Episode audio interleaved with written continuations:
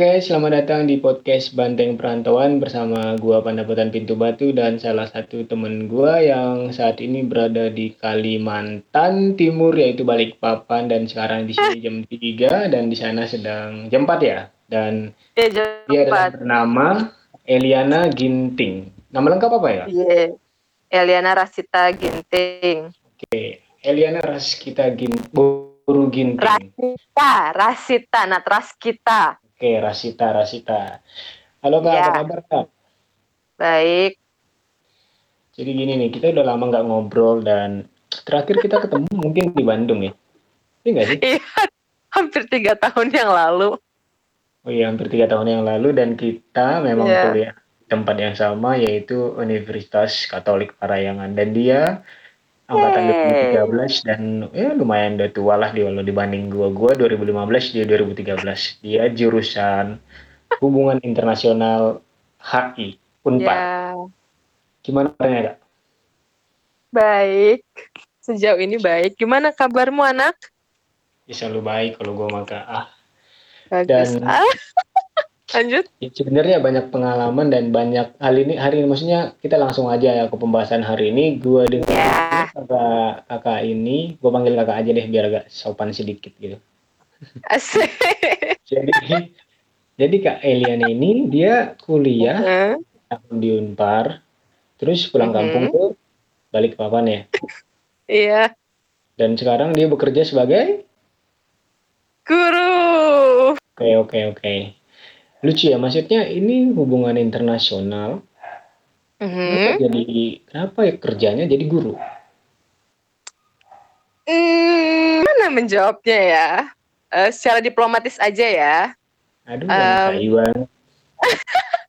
Aku merasa bahwa ini adalah suatu pekerjaan yang mulia dan panggilan hidup yang sangat luar biasa sih menurut aku. Jadi aku Oke. rasa untuk jadi aku rasa ya kenapa nggak dicoba dulu dan kenapa nggak coba mendalami siapa tahu Hmm. apa ya benar-benar bisa jadi panggilan yang benar gitu atau menjadi suatu hal yang baiklah untuk dipelajari atau pengalaman hidup untuk bisa di apa sih di diingat-ingat dan diceritakan ke orang lain mungkin itu aja sih Oke. Jawabannya untuk mencari pengalaman dan lain-lain kayak gitu ya. Dan ya sebenarnya maksudnya apakah karena nggak nyoba yang lain? Maksudnya kan kalau HI kita tahu bahwa mereka ada yang ya mungkin kalau di masyarakat tuh taunya kayak HI itu diploma, diplomat ya kalau nggak kerja di kedutaan besar, Mhm. kalau nggak ya jadi jadi artis-artis lah pokoknya yang communication-nya sangat-sangat bagus gitu lah. Nah ini iya sebenarnya jadi guru apakah karena nggak nyoba yang lain atau udah jadi pelarian atau gimana? Maksudnya kenapa bisa jadi guru tiba-tiba? Nggak mungkin kan karena ya karena mulia ya bisa jadi juga sih gitu. Tapi alasan dasarnya sebenarnya Ya. kenapa? Sebenarnya aku nggak tahu juga sih. Maksudnya kan gini loh. Kita mungkin bisa awalnya milih jurusan ini, tapi Hmm. at the end ya kita lihat paling cuma satu persen dari orang yang lulus itu bisa masuk ke apa sih jurusan yang di apa ya jurusan yang diminati apa sih pekerjaan yang dirasa cocok untuk jurusan gitu. Oh, Karena aku lihat Oke oke. ya sebenarnya ini pelarian sih. Karena aku ya Hmm. jujur ya dulu Hmm. tuh cari kerja nggak gampang loh. Nggak sih sampai sekarang aku tahu cari kerja nggak gampang. susah. Sekarang makin susah loh. Nah, kan makin susah kan bahkan dengan adanya em, pandemik ini gitu. Jadi Hmm. sekalian jadi aku udah coba di mana-mana. Sayangnya Hmm. ya memang hubungan internasional ini untuk di Kalimantan eh, kurang lah maksudnya karena di Kalimantan kan kebanyakan tambang dan kawan-kawan. Jadi mesin, hukum itu tuh yang paling laku eh, mesin, hukum, teknik itu yang paling laku lah di Kalimantan Timur gitu. Jadi akhirnya ya udah aku cari-cari aja semua pekerjaan, aku apply apply apply apply pekerjaan yang ada tiba-tiba aku dapat panggilan dari salah satu tempat. Eh, tempat itu adalah sekolah. Ya udah deh, aku coba-coba aja. Oke, jadi dari HI berubah jadi guru sekarang gitu. Guru. Iya. Dan ya memang sih maksudnya kalau kita tahu anak HI hubungan internasional pasti kan interna internya itu loh internasional. Kan Internasional ya. Berarti kan orang-orang pasti beranggapan bahwa ini orang pasti jago bahasa Inggris. Anak-anak Iya. hubungan internasional tuh pastilah ya, maksudnya bukunya pun bahasa Inggris gitu. Dan sekarang ngajarnya juga bu, ngajar ini. Ya, ajar Ngajar bahasa Inggris. Berarti, Iya. berarti ya maksudnya bisa aja ya berarti gitu. Dari hubungan internasional jadi guru bahasa Inggris kayak gitu ya. Bisa lah maksud. Tapi gini, ini kan memang sekolah swasta. Jadi ya pasti Mhm. bisa. Kalau negeri kan mereka punya apa sih? Punya kriteria sendiri yaitu harus jadi harus memiliki eh pokoknya harus punya pendidikan khusus untuk pen- harus punya pendidikan latar Hmm. belakang sarjana SPD gitu. iya SPD gitu-gitulah apalagi kalau Oh. SD itu beda sendiri setauku Oke, oke, oke. Berarti beda ya, maksudnya kalau masuk swasta ya udah nggak Iya. SPD juga bisa, tapi kalau misalkan negeri itu bisa masuk SPD gitu ya. Mhm, Oke, itu oke, sih oke. yang kutangkap Ih, legowo gitu ya ternyata masuknya. Gitu. Dan masuknya kemarin gimana kak? Masih susah nggak sih? Dites nggak sih? Eh, ya di tes kan memang gimana ya sekolah ini kan sekolah swasta dan ini sekolah Mhm. swasta yang bener-bener eh, ya aku ini sekolah swasta dan sekolah Kristen gitu jadi lebih li- dilihat gimana karakter guru yang akan masuk Oke. ya IP pasti harus di atas tiga gitu kan kalau ngajar seingatku Hmm. sih harus di atas tiga terus itu em, harus bisa berbahasa Inggris punya karakter yang baik kerohanian juga baik Wow, wow. dan kawan-kawan kawan jadi Oh, di tesnya berarti- itu di arah itu Oke, berarti kakak mencukupi gitu ya?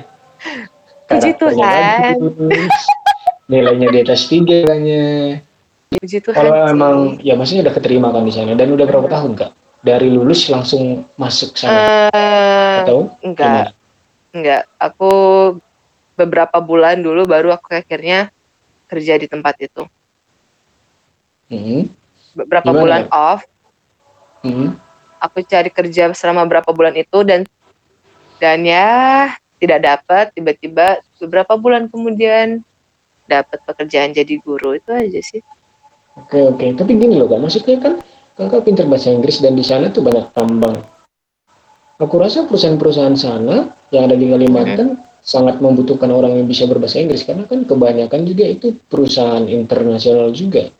Bisa jadi Mhm. humasnya juga enggak sih?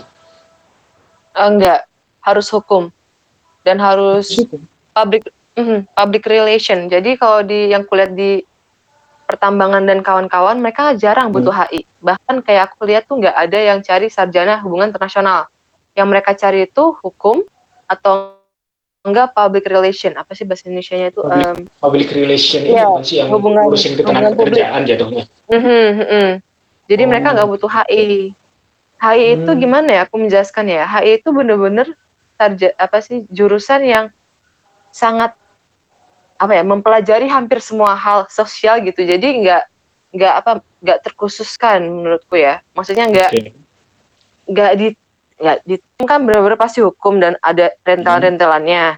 Kalau Hmm. PR kan juga pasti ada mereka benar-benar fokus di bagian mereka. Kalau hukum itu ekonomi iya.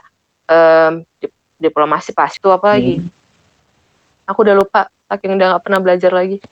Nah pokoknya semuanya itu masuk lah lanjut Oke. ya gitu aja kalau HI itu bisa jadi apa aja sih kak? Maksudnya posisinya? Oh god. Um, sebenarnya HI bisa jadi apa aja sih, kecuali yang bagian sains ya itu nggak bisa. Eh Hmm. kerja di bank bisa, Ya maksudnya jadi apa gitu? Public relation. Terus apa lagi selain itu? I don't know, dude. I'm a teacher how? Oke, hubungan internasional itu nggak tahu ya teman-temanku yang lulus HI pun biasanya kebanyakan kerja di pemerintah sih, pemerintah bagian apa ya? Aku lupa. Pokoknya ya bagian-bagian yang ngusus-ngususin I don't know dapat like I I don't really know. Aku juga Oke, bingung. Oke, oke. Oke, oke, kita beralih aja deh. Gini, gini, gini, gini. Nah kan Iya, tadi iya, udah iya. dijelasin ya, maksudnya udah keterima di sana dan Hmm, udah beberapa udah beberapa tahun.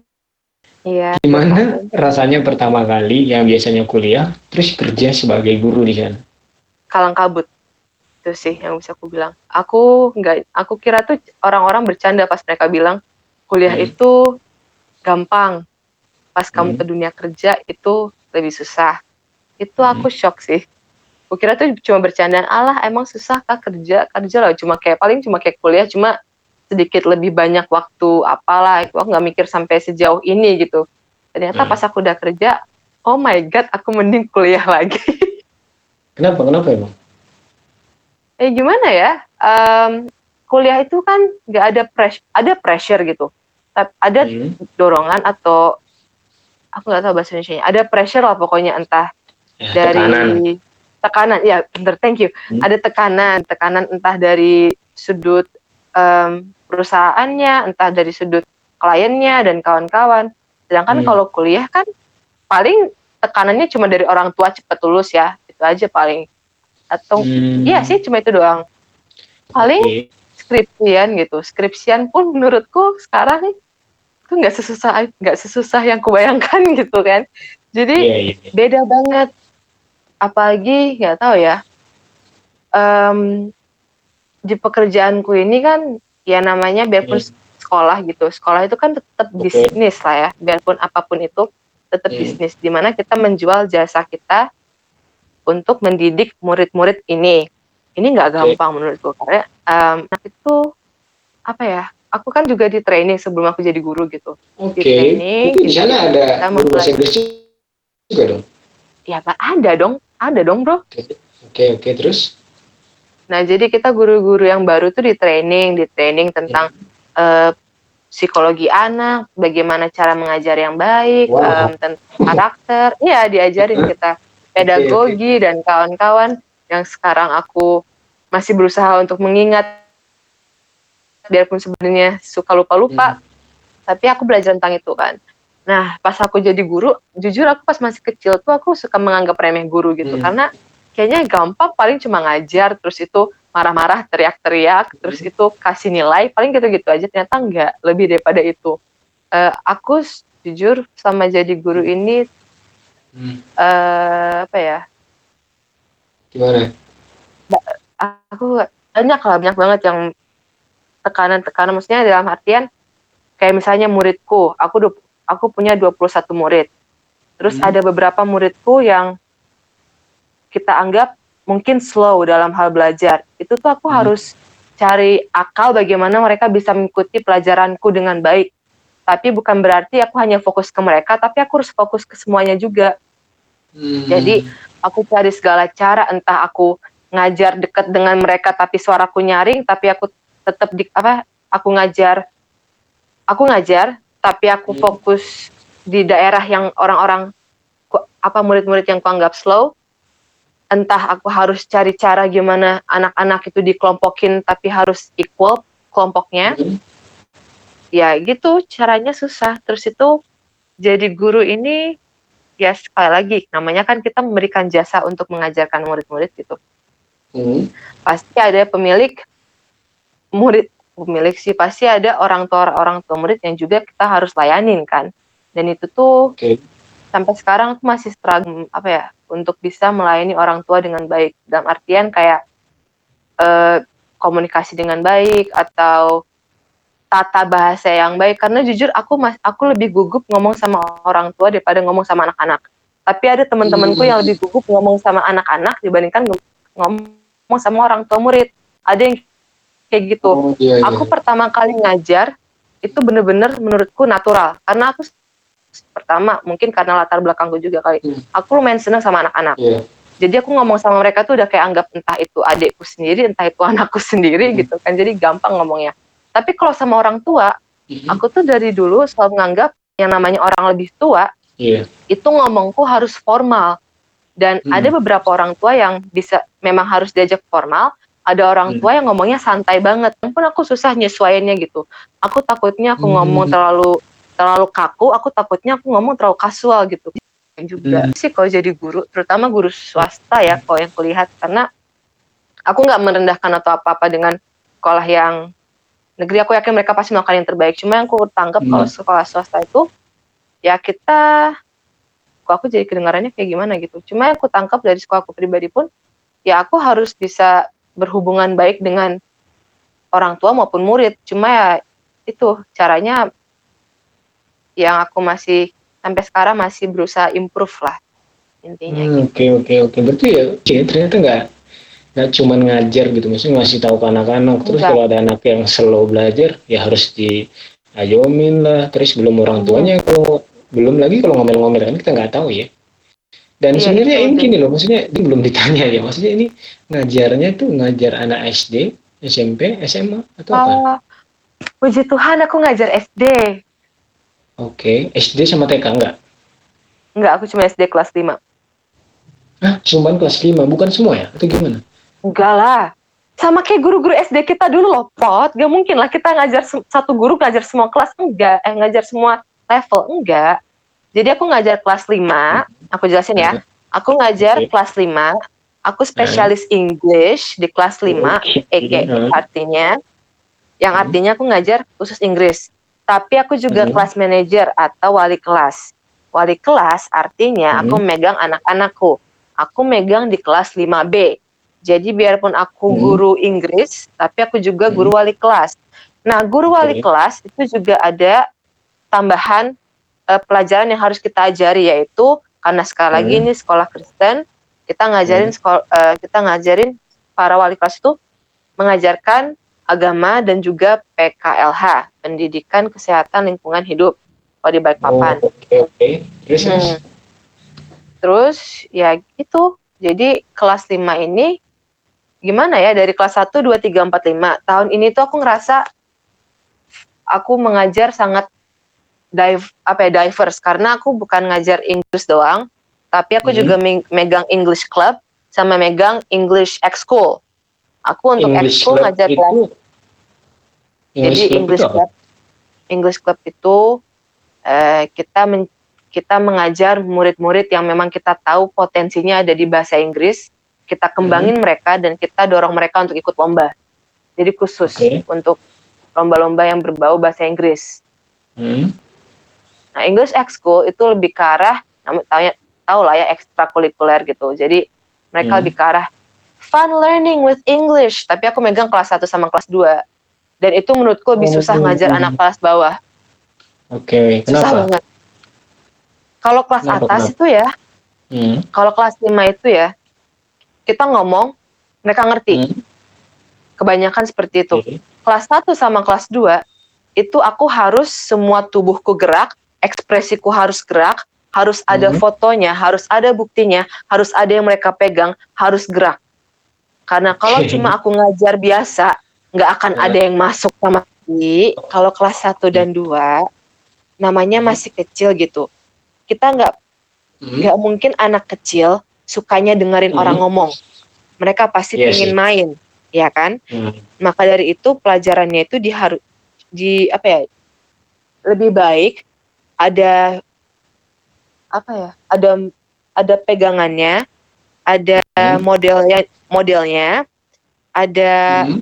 Mhm, apa lagi, Mbak? Pokoknya harus Hmm. ada alat-alat peraganya lah gitu. Jadi mereka bisa tahu apa yang guru omongkan.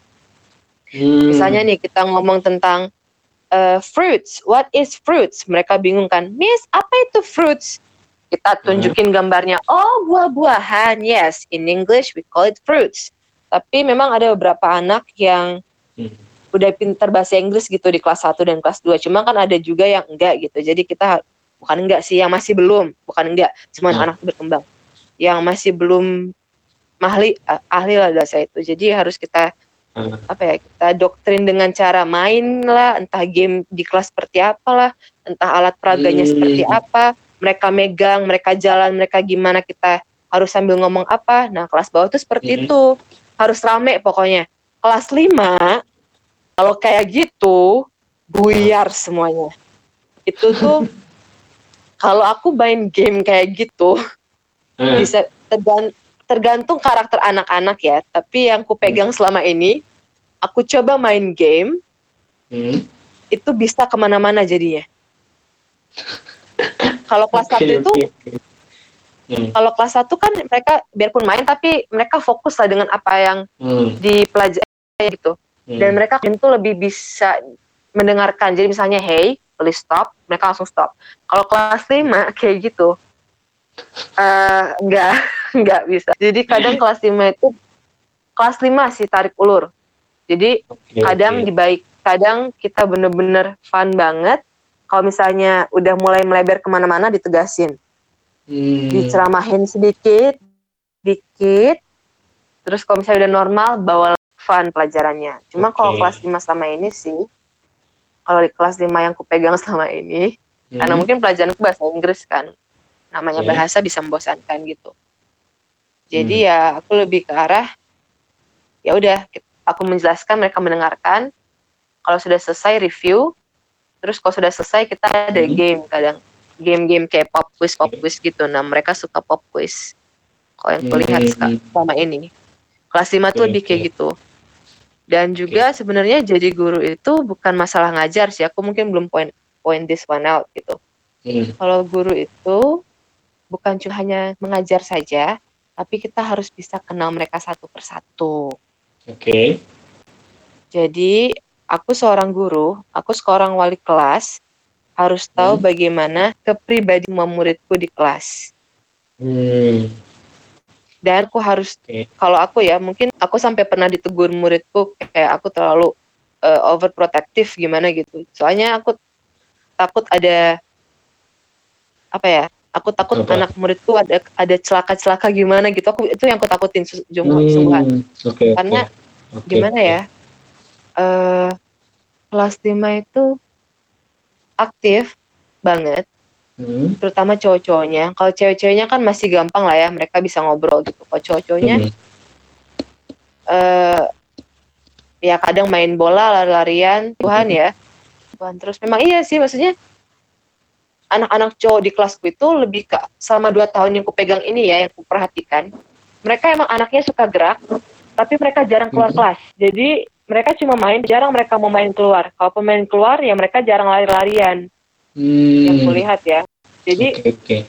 lebih aman lah setidaknya. Tapi kan adalah murid-murid lain di kelas lain mungkin yang ya aku sedikit parno gitu kalau ngeliat murid lari-larian di hallway karena lari di hallway nggak lihat tiba ada yang buka pintu gerak jat apa kena kepalanya luka bocor Hmm. gitu itu yang aku takutin karena terjadi itu kasihan muridnya kasihan muridnya gitu kan Hmm. Nah, maka dari itu harus jaga mereka baik-baik.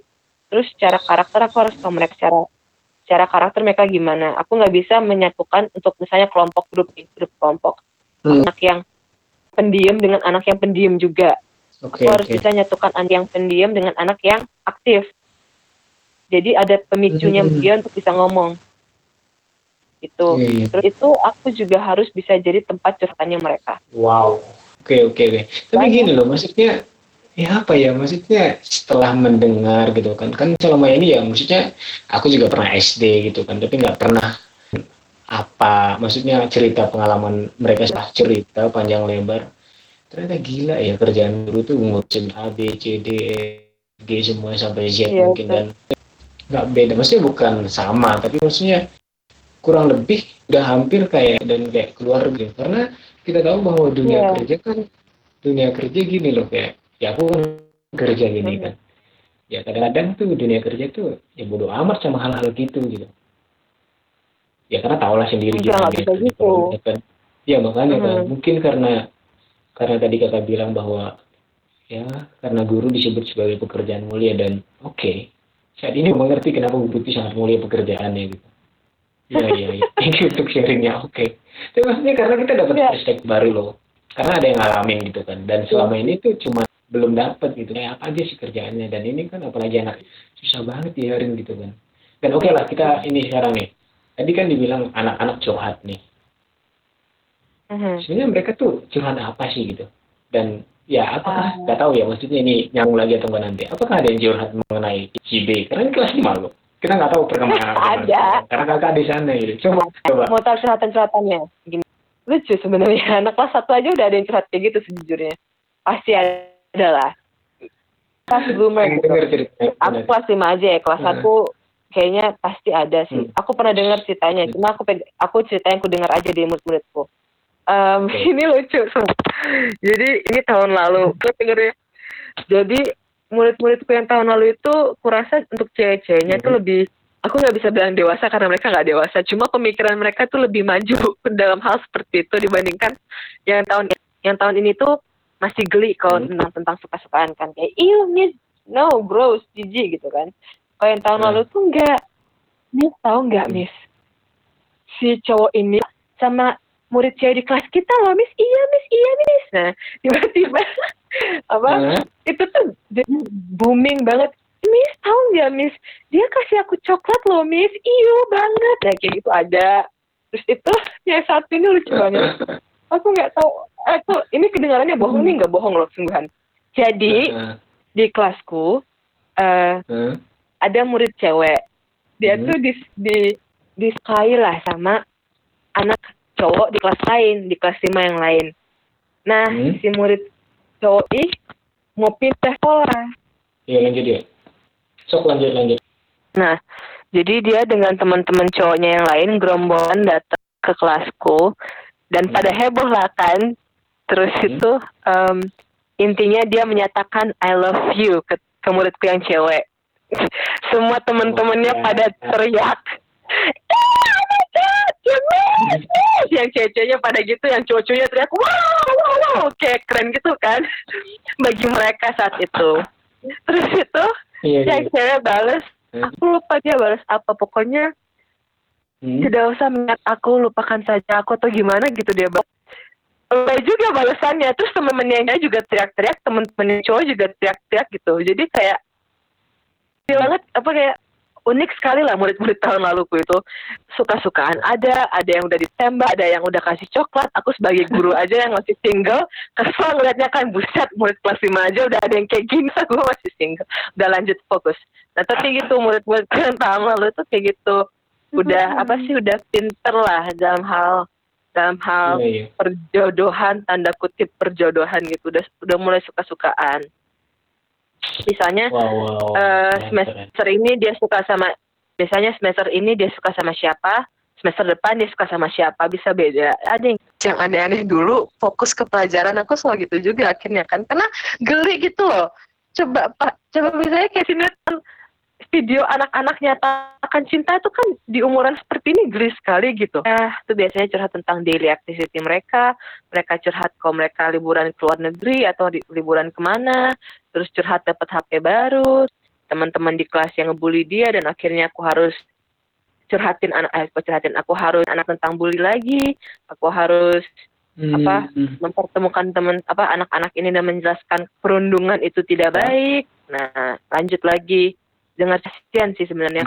Jadi ya gitu curhatan mereka itu bervariasi. Ada anak yang tipenya curhat, ada anak yang nggak mau curhat. Rasa itu privacy mereka udah ada yang sepinter itu. Ada anak Siap. yang malu-malu curhatnya. Kayak harus Hmm. kugali dulu baru dia bisa curhat. Harus kudeketin dulu baru dia mau cerita. Karena gini, gu- guru orang bisa lihat lah nggak harus nggak harus guru. A- ada anak yang butuh kasih sayang lebih, ada anak Hmm. yang dapat kasih sayang terlalu berlebihan, ada yang kayak gitu. Jadi kita Hmm. harus bisa kak. Kalau di kelasku tuh, kalau misalnya gampang sih ngelihat anak yang sedih sama yang kesel sama yang marah. Lihat aja ekspresi Hmm. mukanya tuh gimana atau cara ngomongnya tuh gampang banget gitu. Ada Iya, misalnya iya, tiba-tiba datang yang biasanya ceria, tiba-tiba mukanya datar, nah itu disentuh sedikit tiba berarti ada masalah. wow Tapi wow gitu wow. sih.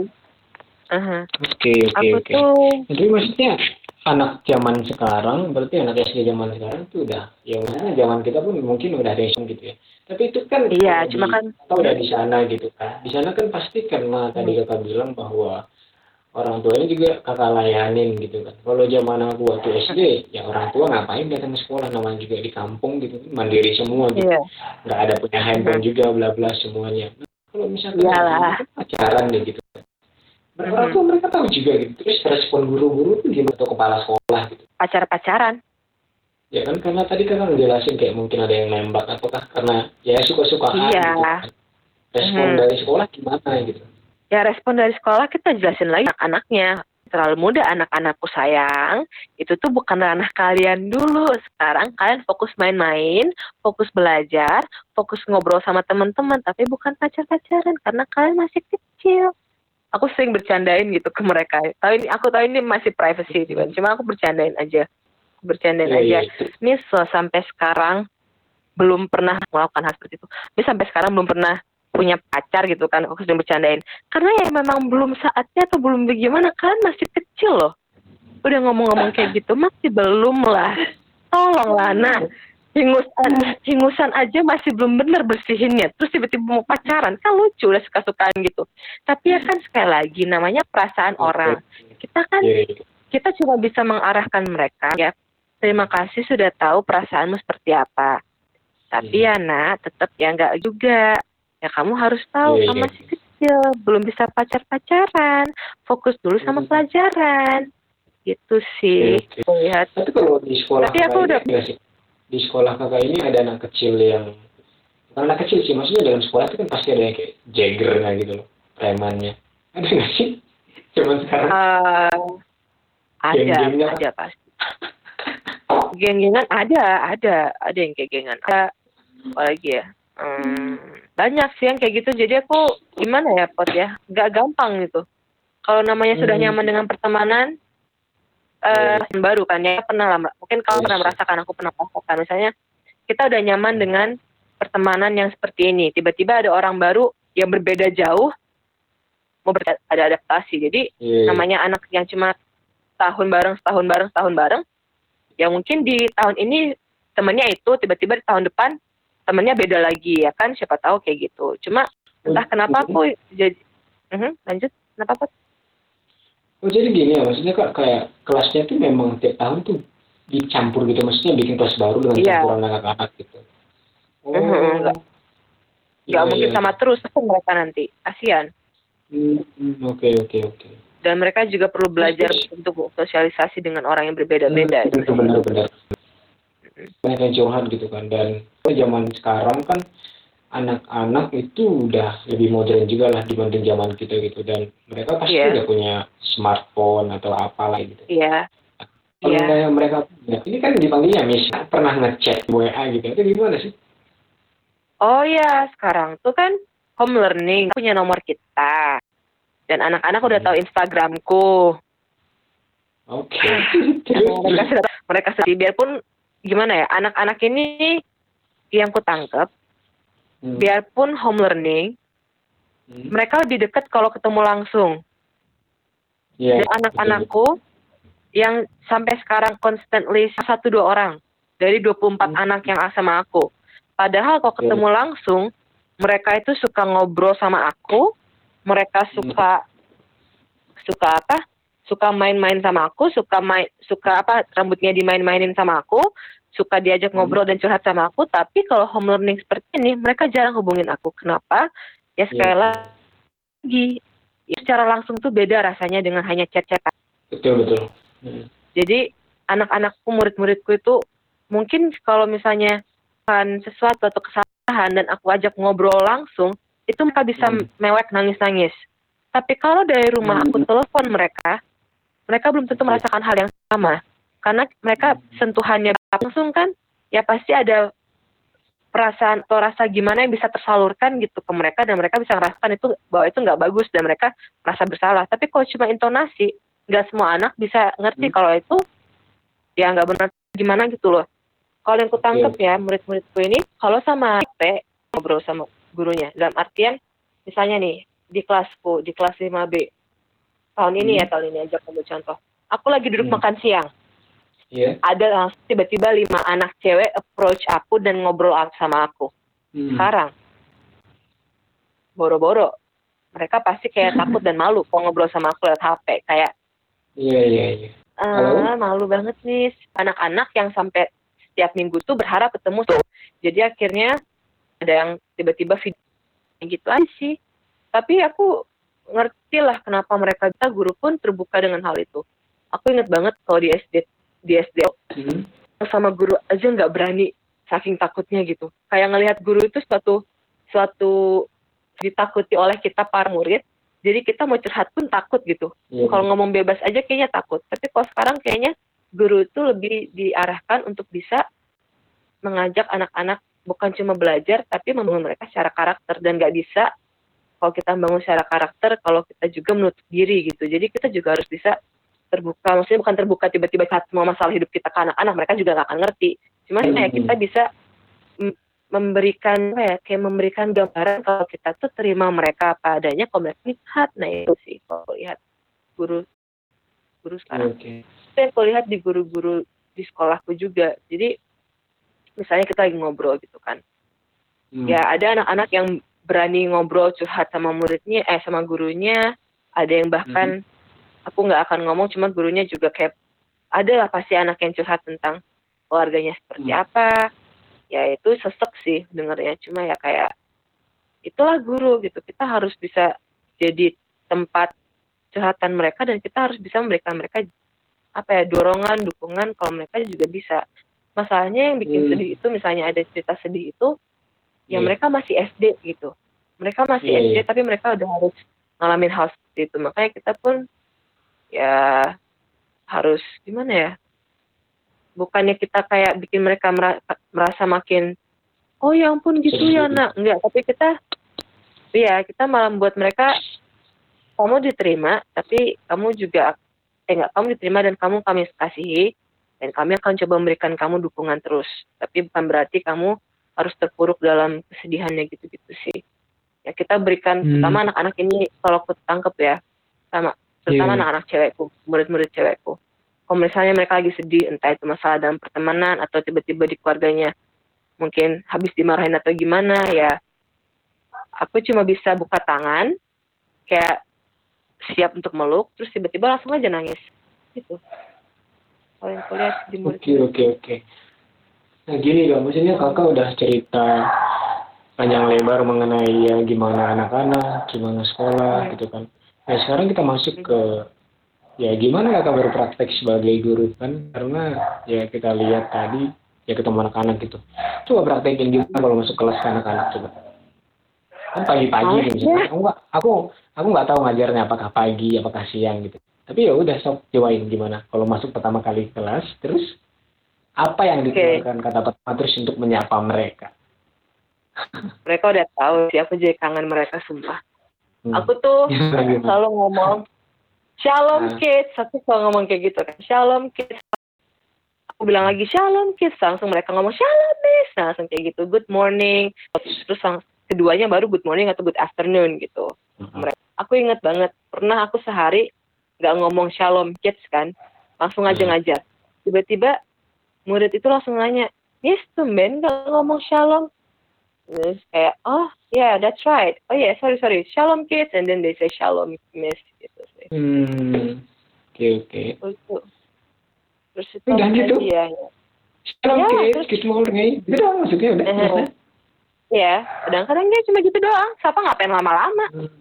Oke oke. Dan sebenarnya gini nih, mereka- kan zaman sekarang kan anak aku nggak tahu ya, maksudnya zaman aku dulu Inggris tentu gitu, maksudnya apalagi ke pedalaman-pedalaman itu kayak Inggris tuh pas, saya bahkan nggak ngerti gitu dan sampai sekarang pun masih belajar Inggris jadi kayak gitu banyak orang-orang yang kurang dalam pendidikan Hmm. Inggris dan kalau melihat anak-anak ataupun murid yang kakak ajar nih, maksudnya mereka tuh memang dari lahir pas kecil tiga bulan lima bulan setahun mereka tuh emang udah dicekokin Inggris atau gimana ya? Aduh. Jadi sekolah Hmm. gue gimana ya menjawabnya? SD itu sebenarnya kan untuk SD SD Inggris itu dihapus. Hmm, ah gimana? Inggris dihapus untuk seluruh Indonesia. Eh, enggak, di setauku ya untuk sekolah negeri, seingatku, seingatku Hmm. itu nggak tahu atau cuma di balik papan, tapi di Hmm. SD itu emang nggak ada bahasa Inggris. Oh, why? Why? Kenapa? Jadi biasanya- sebenarnya? I don't know. Ask the kementerian gitu kan mungkin setahu aku difokuskan dulu dengan bahasa bahasa kita sendiri dulu gitu. Tapi kalau bahasa Inggris ada di SD, ya itu biasanya sekolah swasta ada kayak gitu. Hmm, oke oke. Jadi sekolah swasta ada tambahan pelajaran dan tambahan pelajarannya adalah English gitu sih setahu. Oke.